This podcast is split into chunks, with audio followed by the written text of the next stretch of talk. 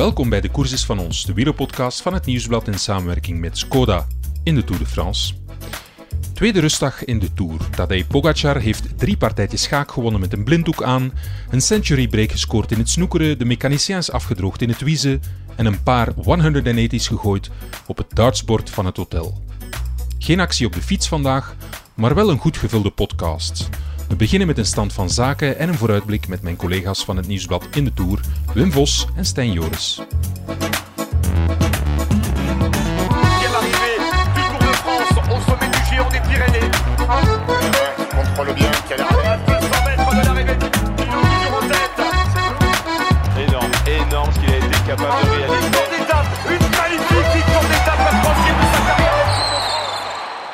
Rustdag en dan zit ik naar goede gewoonte samen met mijn collega's Wim Vos en Stijn Joris. Dag Wim. Dag Michael. Dag Stijn. Goedemorgen, Michael. Jij gaat misschien straks de podcast verlaten, Stijn, want jij moet naar Intermarché Wanty-Gobert. Ja, Even ik een- heb eh, nog een interview eraf te nemen. Ja, disclaimer. Zelfs op een rustdag staan we niet stil. We hebben net nieuws gekregen. Alle tests, alle COVID-tests waren negatief. En dat was niet meteen de verwachting. Hè. Er was zo wat aangekondigd van, ja... Ja, inderdaad. Gisterochtend stonden we nog bij Oliver Naassen. En eh, hij noemde het lijken uit de kast die gingen vallen. Ik denk dat hij een beetje vreesde voor een eh, COVID-slagveld. Eh, gisteravond bij de testen. Maar dat blijkt dus wonderwel mee te vallen. Een beetje inderdaad wat je zegt, tegen de verwachting. Afgelopen weekend hadden we nog een twee, drietal renners. Guillaume Martin onder andere, die door COVID de Tour moesten verlaten. En onder andere Naasten vertelde mij van ja, dan ben je toch echt niet op je gemak. Hij had nog aan tafel gezeten naast zijn ploegmaat Bouchard, die dat dan de volgende ochtend plots positief testte. En hij zei zelf van ja, dan eh, zit je toch met een ei in je broek. Als je, eh, maar het blijkt dus allemaal wonderwel mee te vallen. Het is eh, een beetje het mirakel van de Tour. Hè. Het is Ja? de voorbije jaren, terwijl in de samenleving overal de positieve gevallen toenemen, kan het op een rustdag in de Tour plots wonderwel alles verdwenen zijn. ja. En dan zijn we nog niet in Lourdes gepasseerd. Ja, inderdaad. Ik, ja, inderdaad, we komen er... We komen in eh, Lourdes, ja. Daar kunnen ze misschien eh, een kaarsje branden voor eh, de volgende COVID-testronde. Goed, ook bij de journalisten eh, voorlopig valt het mee. Alhoewel dat wij toch één keer, ik geloof dat het in Longwy was, Wim, dat wij toch een beetje ja, onze mondmaskers in de perszaal opgezet hebben. Hè? Ja, inderdaad. Ehm, ik dacht dat het net het rijtje voor ons begonnen de collega's opzichtig te snuiven en te snotteren en te kuchen.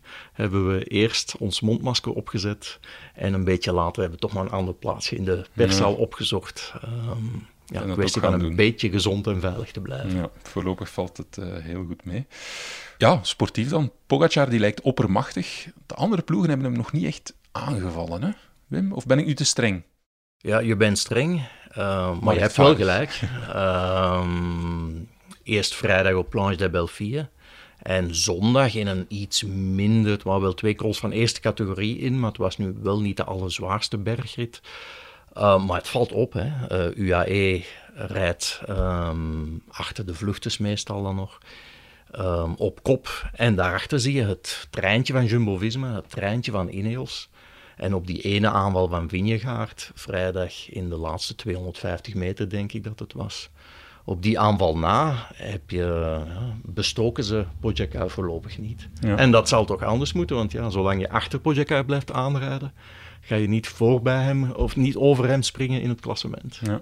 Er staat geen bus van Jumbo-Visma geparkeerd of eh, Stijn Joris eh, zwermt daar rond. Jij weet alles van Jumbo-Visma. Leg eens uit, wat is hun verklaring waarom ze voorlopig nog niet Pogacar hebben proberen te bestoken? Het was de bedoeling om dat wel te doen aanvankelijk, maar dan eerder in Denemarken. Eh, en daar verstoppen ze zich achter de wind die niet op de afspraak was of niet juist stond. In Calais eh, een beetje hetzelfde verhaal ook. Eh, ik heb toevallig met Marijn Zeeman gesproken net voor de podcast en daar hoopten zij op de zuidenwind en die stond er niet. En dan hadden ze volgens hem daar nog een grotere ravage kunnen veroorzaken. En dan de kasseire, die viel helemaal tegen voor hen.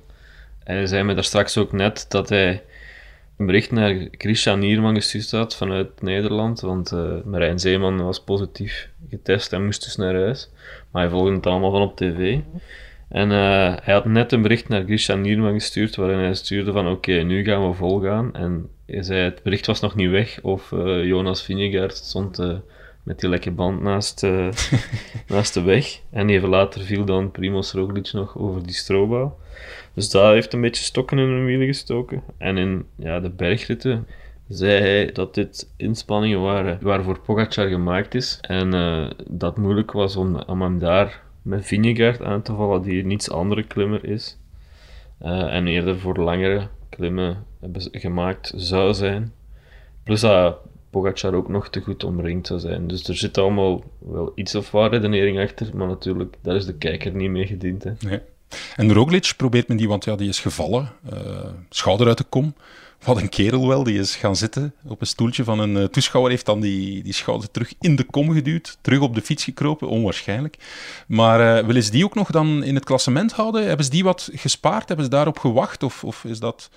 Ja, dat heeft effectief meegespeeld, beweren zij. Um, dat ze die heel aan de rustdag wilden krijgen en hopen hem vanaf morgen of Liever vandaag dan zeker. Ja, vandaag in de podcast. Hè. Ja. Uh, vanaf vandaag weer uh, iets beter en frisser aan de start te krijgen, in de hoop dat hij nog een rol kan spelen.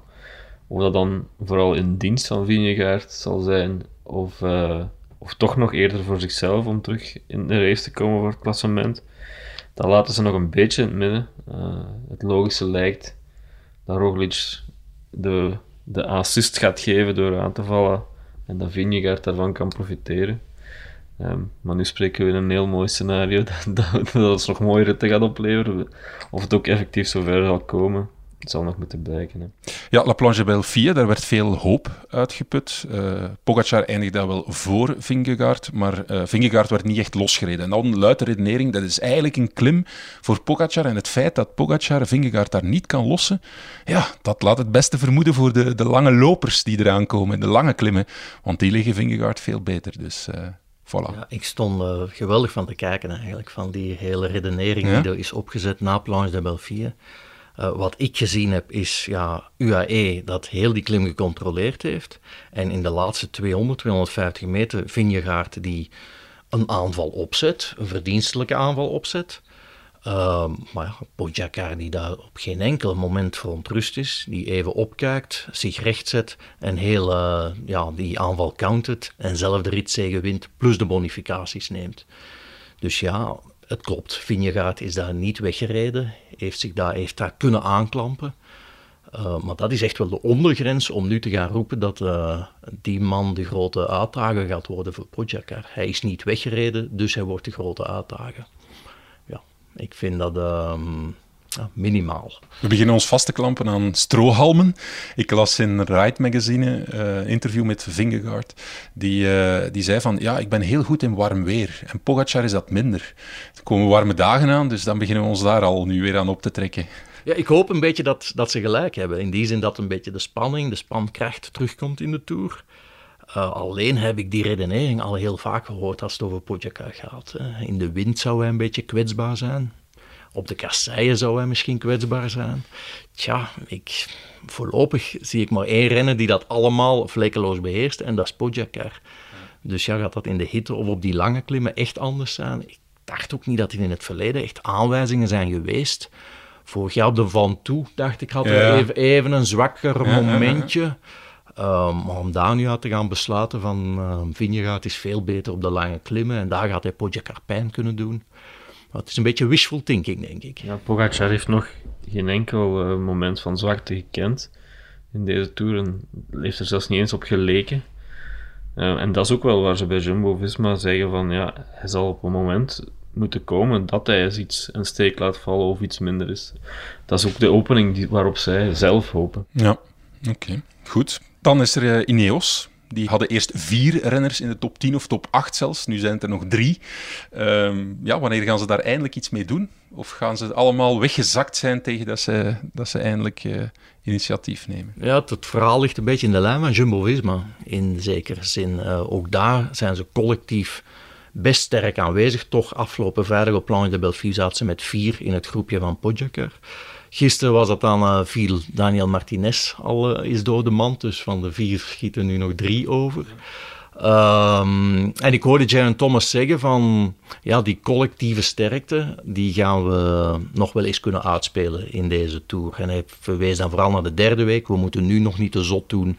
Laat ons wachten tot de derde week en uh, dan is er misschien wel iets mogelijk. Um, opnieuw, je hoopt het voor de spankracht in de Tour.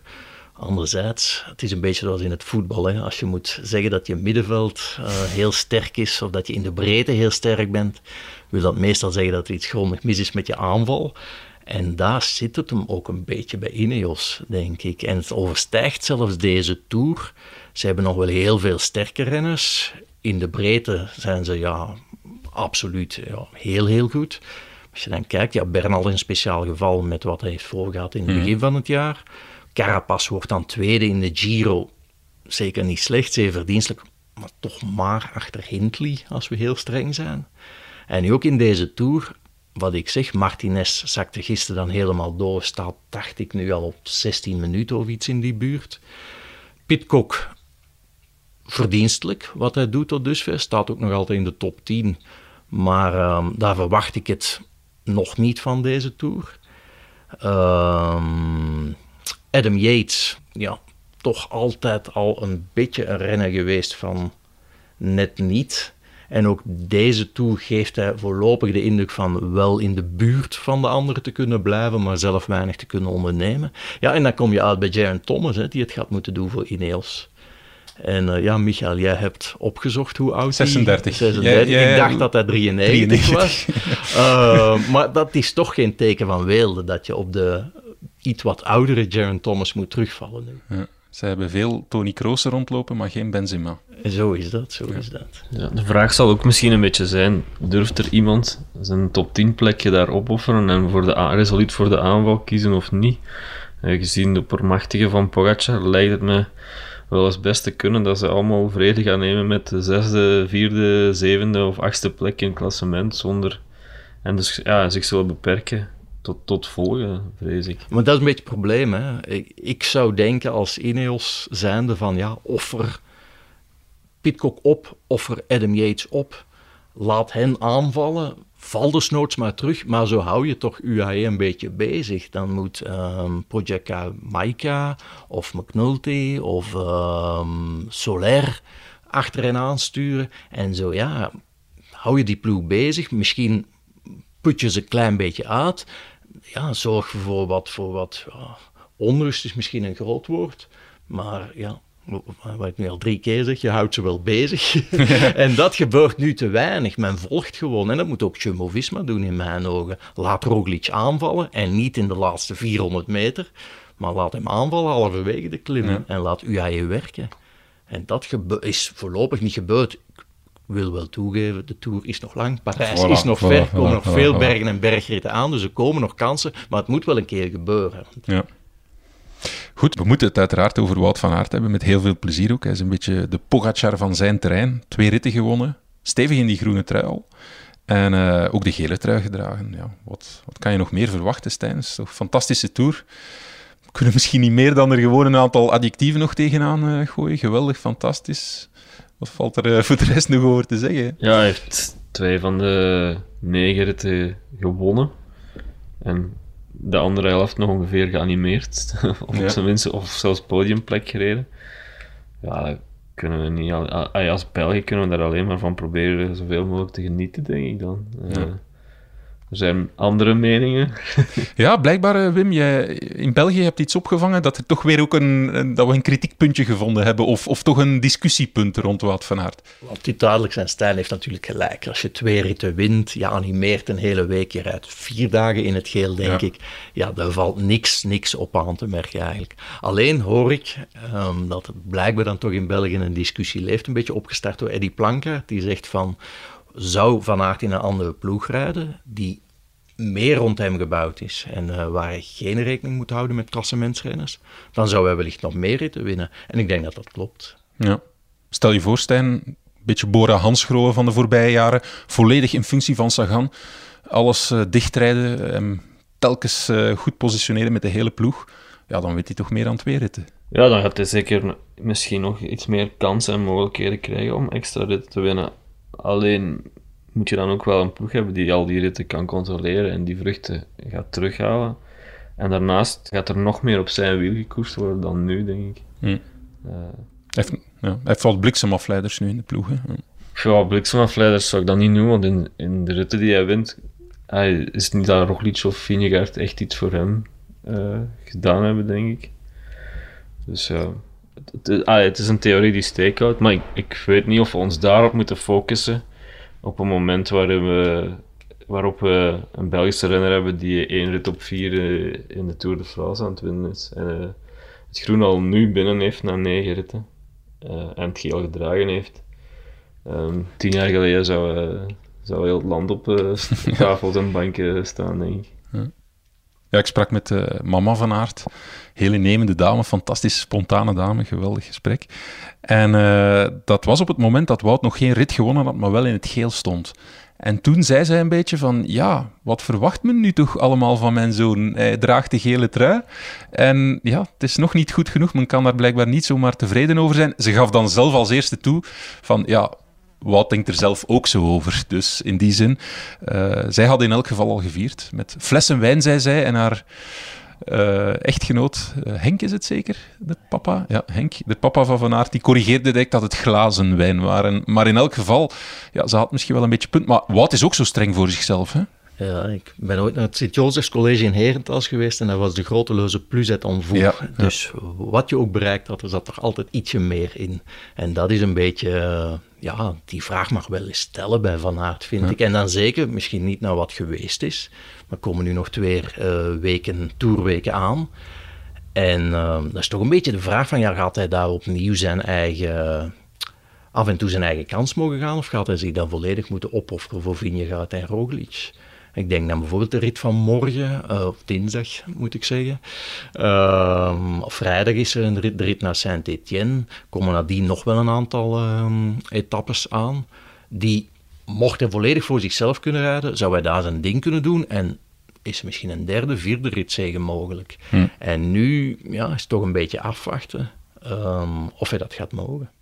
Wanneer gaat hij nog zijn kans mogen gaan? Je hebt eh, Intel van de ploeg zelf. Ja, ik heb vanmorgen met Marijn Zeeman gesproken en die haalde aan dat hij sowieso in de laatste tijdrit, of de enige resterende tijdrit, en op de Champs-Élysées eh, sowieso vol zijn kans zal mogen gaan en ook daarvoor de ondersteuning zal krijgen eh, van de ploeg. Nu ja, of hij tussendoor nog ergens de mogelijkheid zal krijgen om een ritje te pakken, zal hij mij ook niet vertellen als dat zo, zijn. zo zal zijn, want die rit zullen ze dan wel al aangevinkt hebben en dat gaan ze nu nog niet prijsgeven, verwacht ik. Maar de algemene teneur is toch dat, dat hij zich nu in zijn eh knechtenrol zal moeten eh, plooien. Het was de, echt effectief de bedoeling ook om al zoveel mogelijk voorsprong te pakken in het groen. Wat erop wijst dat hij nu zal moeten, of willen of mogen meewerken aan de gele droom eh, van de ploeg. Wat ook opvalt, Wim, het is een idee dat jij aangebracht hebt. Eh, als we kijken naar de voorbije negen ritten, het zijn vooral grote namen hè, die we gezien hebben. Misschien op Simon Clark na. Eh, Bob Jungels, god ja, dat is ook geen kleine coureur, maar... Laubas naar Clark gewonnen. Ja, goed, oké. Maar het zijn vooral grote namen. Hè. In de Tour is er nog weinig, valt er nog weinig te rapen voor de, de kleine garnalen, zeg maar. Eh, ja, ja, en ik denk voor die garnalen zelf moet dat toch een, echt een, een angstaanjagende gedachte zijn. Het is niet fijn om in deze Tour een garnaal te zijn. Nee, nee. Ik, ehm, ik ben ietsje ouder dan jullie. Ik heb nog andere tours meegemaakt waar eh, ja, je renners zoals Ludo Dirksen, ik noem dat maar wat Belgen, of, of Serge Baguet een, een rit konden winnen. En eh, ja, nu zie je Pogacar wint zijn ritten, Van Aert wint zijn ritten. Ehm, ja, de spurters winnen ritten, Van Jacobsen, Groenewegen, maar het zijn eigenlijk allemaal ja, echt topnamen. Ja. Ehm, ja, als je dan een iets wat kleinere naam bent en je kijkt daar tegenaan, dan denk ik toch dat je afvraagt van wat zit ik hier te doen in deze tour soms. Hoor je geen cadeaus meer geven? Ik luister ook naar de podcast The Move met Braneel. Valt heel wat te zeggen over Braneel, maar niet dat hij geen verstand heeft van de koers. En ja, hij zegt een beetje hetzelfde als jij. I'm getting old. Hij nog iets ouder dan jij. Geen 93 weliswaar. En eh, hij zegt, ja, in onze tijd gaven wij wel tussen aanhalingstekens cadeaus weg. Wij proberen bondgenoten te zoeken, bijvoorbeeld door de gele trui weg te geven. Ehm UAE had dat kunnen doen. Ik zeg maar iets met, eh, ja, met Paulus bijvoorbeeld. En dan zou die hele ploeg, EF Education eigenlijk een bondgenoot worden van UAE, achter alles en iedereen aanrijden. Eh, Die zouden, een Amerikaan in het, in het geel, die zouden dat met hand en tand verdedigen. En nu, ja, nu valt alle, alle gewicht op, eh, op hen. Er worden geen cadeaus gegeven. Het wielrennen is veranderd, hè? Ja, blijkbaar. Ze, ze willen alles zelf winnen. Pogacar ook. Dat lijkt dan weer wel erg op het hele oude wielrennen. Met Eddy Merckx, die wilde natuurlijk ook alles winnen. Alles komt terug. Ja, ja, ja. En zo is het. Hè. Pogacar geeft geen cadeaus. Hij ziet een, een opportuniteit en, en hij gaat daar vol voor. Ja. Merkwaardig, maar het is charmant dat eh, wielrenners zo zijn. Goed, we gaan hier afronden, want eh, Stijn eh, moet nog even tijd hebben om naar eh Intermarché Wanty-Gobert te gaan. Stijn, ja, we zijn ook in een hotel met een barbecue. Eh, dat is ook een van de taken. Ga je daar nog tijd voor hebben om, om vlees te gaan halen? Eh, ik ga een poging doen. Eh, ik ben in het vorige hotel mijn tandpasta vergeten, dus ik moet toch sowieso naar de supermarkt. En, het is de bedoeling om ook daar wat vlees en eh, groentjes op te Ja. pikken. En een stok brood voor vanavond. Ja. Ja, daar kijken we naar uit. Amai, dat is een goed vooruitzicht. Ik zal mijn best doen, hè, jongen. Goed, eh, we spreken terug af met jullie op de volgende rustdag. En ik zou zeggen, Wim, laat de leuze voor de rest van de tour zijn. Plus het en vous, de leuze van het Sint-Joseph College. Dat zullen we doen. Ja, oké. Tot later.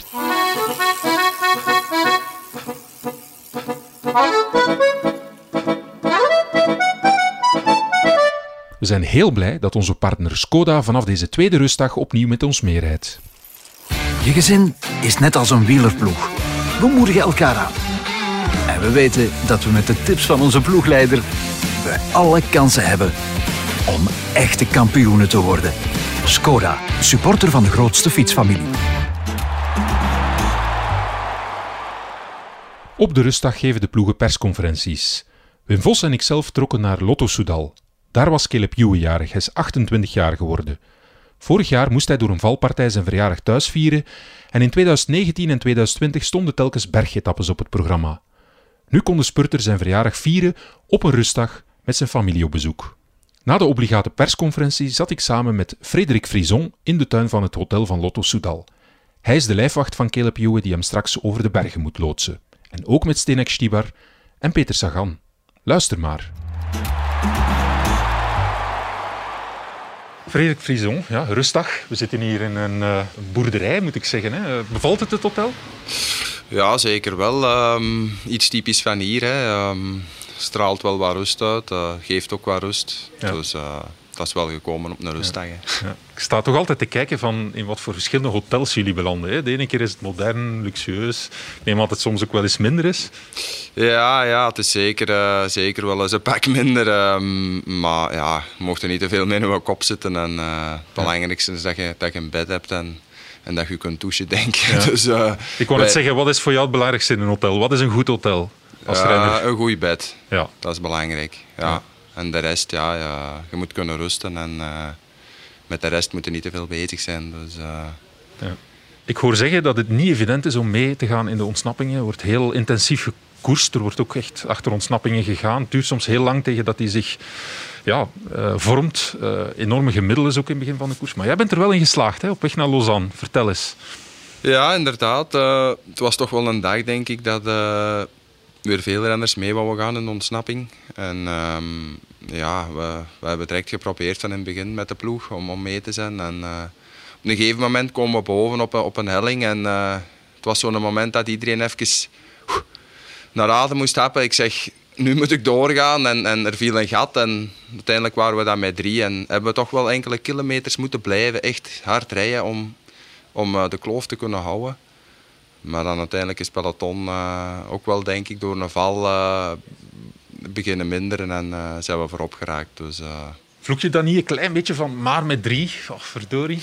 Ja, li- ja. liever toch nog wat meer mannetjes meegaan? zes, zes, zeven, acht man is, Ja. is, is natuurlijk ehm, beter. Maar ja, eens als je in een tour voorop bent, ja, het is een tour. Dus ehm, meer publiciteit in het wielrennen gaat er niet genomen worden. nee. Dus ja, dat is, uiteindelijk eh, was het met drie. Maar ja, je moet verder. En eh, ja, ik heb er nog wel eh, proberen van te genieten de hele dag. Dus. Ja. De grote mannen laten weinig liggen. Hè. Er wordt ook altijd achter gereden, achter de ontsnapping. Het is onwaarschijnlijk in deze tour. Hè. Ja, ik denk dat ze zoiets hebben van, je weet nooit van, ja, volgende week kan het ineens, ook met de coronatesten en, en, en dergelijke, kan, kan, kan het zomaar gedaan zijn. En eh, ik denk dat iedereen wil pakken wat hem kan en eh, dat maakt dat deze Tour echt elke keer het wordt gevlamd. Dus Ja. eh, Je bent een beetje de lijfwacht van Caleb Ewan, mag ik dat zeggen? De man die hem doorheen de dag door het peloton moet loodsen, bijstaan? Ja, ja toch wel. Um, vanaf dat Caleb aangeeft van het is hier op de limiet of we gaan wat sparen, dan, dan blijf ik sowieso bij hem. samen met Reinhard Jansen van Rensburg. En ja, we geven hem op die manier ook alle vertrouwen. En, we moeten niet panikeren. Nee. De bergen zijn is lastig voor iedereen, maar als je kunt sparen op momenten dat kan, dan, dan is het ook wel, wel verstandig om dat te doen, denk ik. Ja. dus. Caleb kan op zich wel behoorlijk klimmen voor een sprinter. Ik denk dat bijvoorbeeld een groene wegen of zoiets het misschien toch lastiger heeft. Valt dat mee in die bergritten om hem daarover te loodsen? Ja, zeker. Um, ja, Caleb is ook wel iemand die, die, die niet opgeeft en niet afgeeft. En uh, hij blijft ook gaan. En, en met de ondersteuning van ons erbij, uh, dat helpt hem ook enorm. Dus uh, we zijn echt one team, zal ik maar zeggen. En het doel is om, om hem hier door de bergen te loodsen en dan ja, zeker nog voor een etappewinst gaan. Dus ja.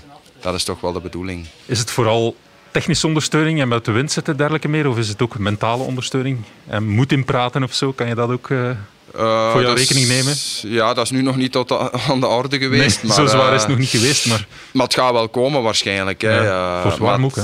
Ja, het kan even zeer zijn dat, uh, dat een keer een dag is dat, ja, dat ik ook een minder een dag heb. Dus dan moet er ook doorslagen. En, soms is het echt een mentale kwestie inderdaad. Maar ehm, ja, we proberen hem op alle vlakken zo goed mogelijk te ondersteunen. Dus, ja. uh...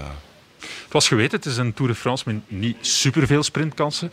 Dus ja, na die eerste kansen zijn er altijd een aantal sprinters die al de nul van de tabellen hebben. Caleb Nieuw, hoe gaat hij ermee om? Want er komen nog kansen. Parijs is de grootste kans. Maar ik kan me voorstellen, als een nul van de tabel is, dat wel rustiger is. Natuurlijk, een topsporter moet hiermee kunnen omgaan. Hoe gaat hij daarmee om? Kan hij daar rustig bij blijven? Ja, eigenlijk wel. Hij uh, is mentaal toch wel sterk. Um, hij blijft er echt heel rustig onder. Uh, hij weet ook wel van, als ik geluk heb en ik, kan, ik, ik heb mijn doorgang, ben ik de snelste. En het moet gewoon eens een keer meezitten. En ja, bij ons is nu al twee keer tegenslagen. Eén keer zijn derailleur uh, dat vast zat en de tweede keer dat hem helemaal ingesloten zit tegen de dranghekken. Ja. Als hem dat twee keer niet voor heeft, kon het al zomaar twee keer prijs zijn. Maar... Ja. Um, ja, we, we, kijken verder, we kijken vooruit en um, we moeten mentaal uh, sterk blijven en, en, dat zijn we ook. Um, ja. Dus dat, we gaan ervan uit dat het goed komt. En uh, de sfeer blijft optimaal in de ploeg, dus dat is ook een belangrijke. Ja. Ja, Zdenek Sibar, als je Jaron Thomas hier ziet rondrijden, ook op zijn 36, denk je dan niet van ja, ik had hier ook wel mijn plaats gehad in de Tour? Uh, ja, zeker wel. Uh, ik denk uh, dat was uh, misschien toch wel nog een opportuniteit voor mij om meer mee te kunnen doen met Quickstep. ik heb voordien in alle koersen mijn best gedaan om de selectie te kunnen maken, maar dat is heel, heel moeilijk. En ik weet dat zelf ook. bij Quickstep er zijn veel renners heel goed, dus ja, ze moeten kiezen. Ja. Zeg Peter, denk jij met Wout van Aert dat er nog kansen zijn voor jou om een sprint te winnen? Ja, yeah. Wow, uh, it's very good. But uh, I think, yeah, I have to, to try every stage I can. And then uh, we see. But uh, we go for a green also, so you never know what happens. So it's Tour de France. It's hard for everybody. Peter, lot of success. Thank you. en Frederik Friesom ook, dankjewel. Dank u, dank u. Ja, Frederik, van waar dat talent om uh, stemmen te imiteren? Hoe is dat gekomen? Uh, ja, van kind af eigenlijk. Uh, ik, ik, denk dat ik zeven jaar was of zo en ik zat voor, voor een tv en um, de weerman Eddie de Meij was erop. En uit het niks um, begon ik die te imiteren en mijn ouders keken allebei zo eens van... Huh? Dat, dat lijkt er wel heel hard op. En ja, toen kwam ook Chris van den Durpel met al zijn, al zijn typetjes. En die kon ik ook allemaal zonder te oefenen. Dus um, ja, en dan op school was het was de ene leerkracht naar de andere houden. Dus uh, ja. goede schooltijd gehad. Ja. Uh, vooral voor, voor die andere jongens die dat altijd moesten lachen. Dus uh, ja. ja. zo is het eigenlijk een beetje gekomen. En nooit eigenlijk specifiek op moeten oefenen. ja. En ja, Peter Sagan, Zdenek Shivar zijn natuurlijk dankbare slachtoffers, zal ik maar zeggen. Hè. Eh, Ja. Heel sprekende stem, maar zijn er nog renners die je kan nadoen? Hoe groot is het repertoire, zeg maar? Van renners valt het eigenlijk wel goed mee. Ja, de stem moet eigenlijk ook wel een specifiek Ja, het is eh, dat, ja. ja, accent of, of eh, ja, hoe moet ik het zeggen? ja, stemgeluid hebben, zal ik zeggen. Maar eh, ja, qua, qua Belgische BV's en zo zijn er nog wel, eh, wel heel wat die dat ik kan, eh, kan imiteren. Ja. Dus, eh, Het is misschien eens voor na de carrière, cabaretier of, of, of ergens op televisie iets mee doen. Ja, misschien wel. Eh, ik heb er ook al over gedacht, dus eh, waarom niet? Ehm, er zijn toch niet heel veel mensen dat eh, dat, dat kunnen, denk Ja, ik. Dus ja. ja. misschien ergens ervaringen opdoen en wie weet. Ja. Frederik Vizon, de nieuwe Guga Baoul. Hè. Voilà, wie weet, wie weet.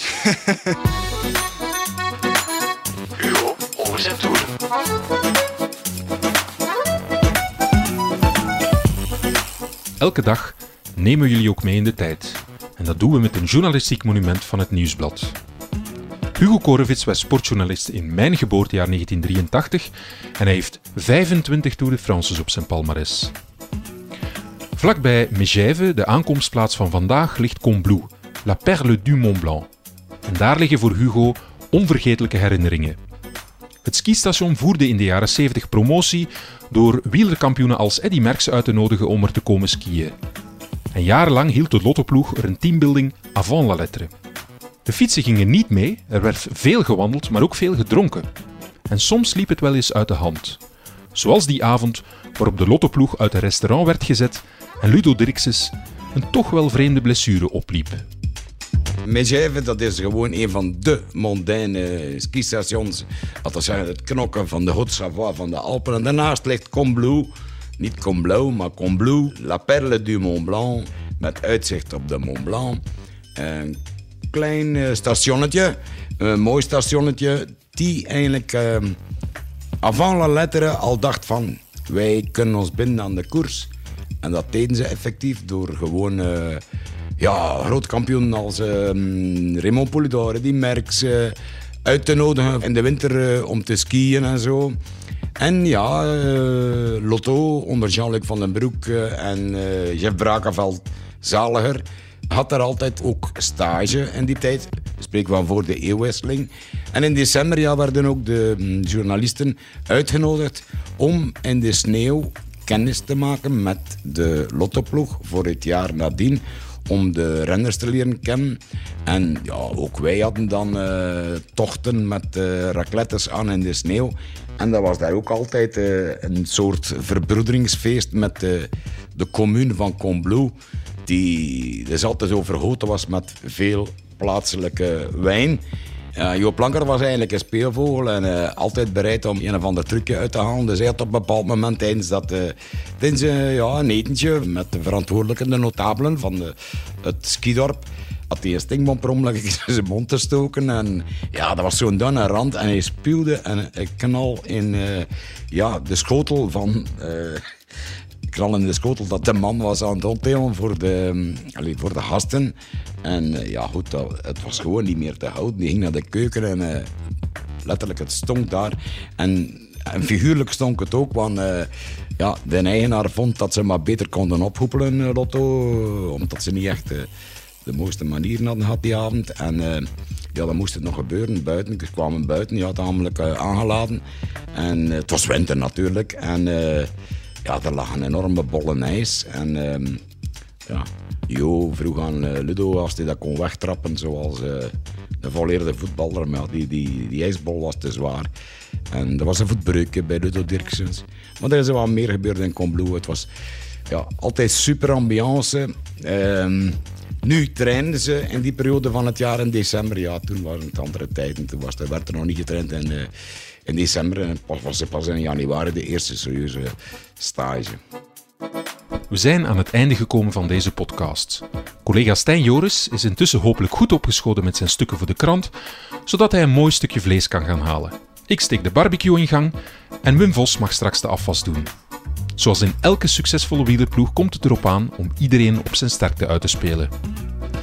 De etappe van vandaag is een milde bergrit, maar een cliché zegt dat de renners de koers maken. Benieuwd of Pogacar en Co zich in toom zullen houden. Bedankt in elk geval dat jullie bij ons waren en heel graag tot morgen. Zoals steeds zijn we er vanaf 7 uur s ochtends. Met aan Skoda.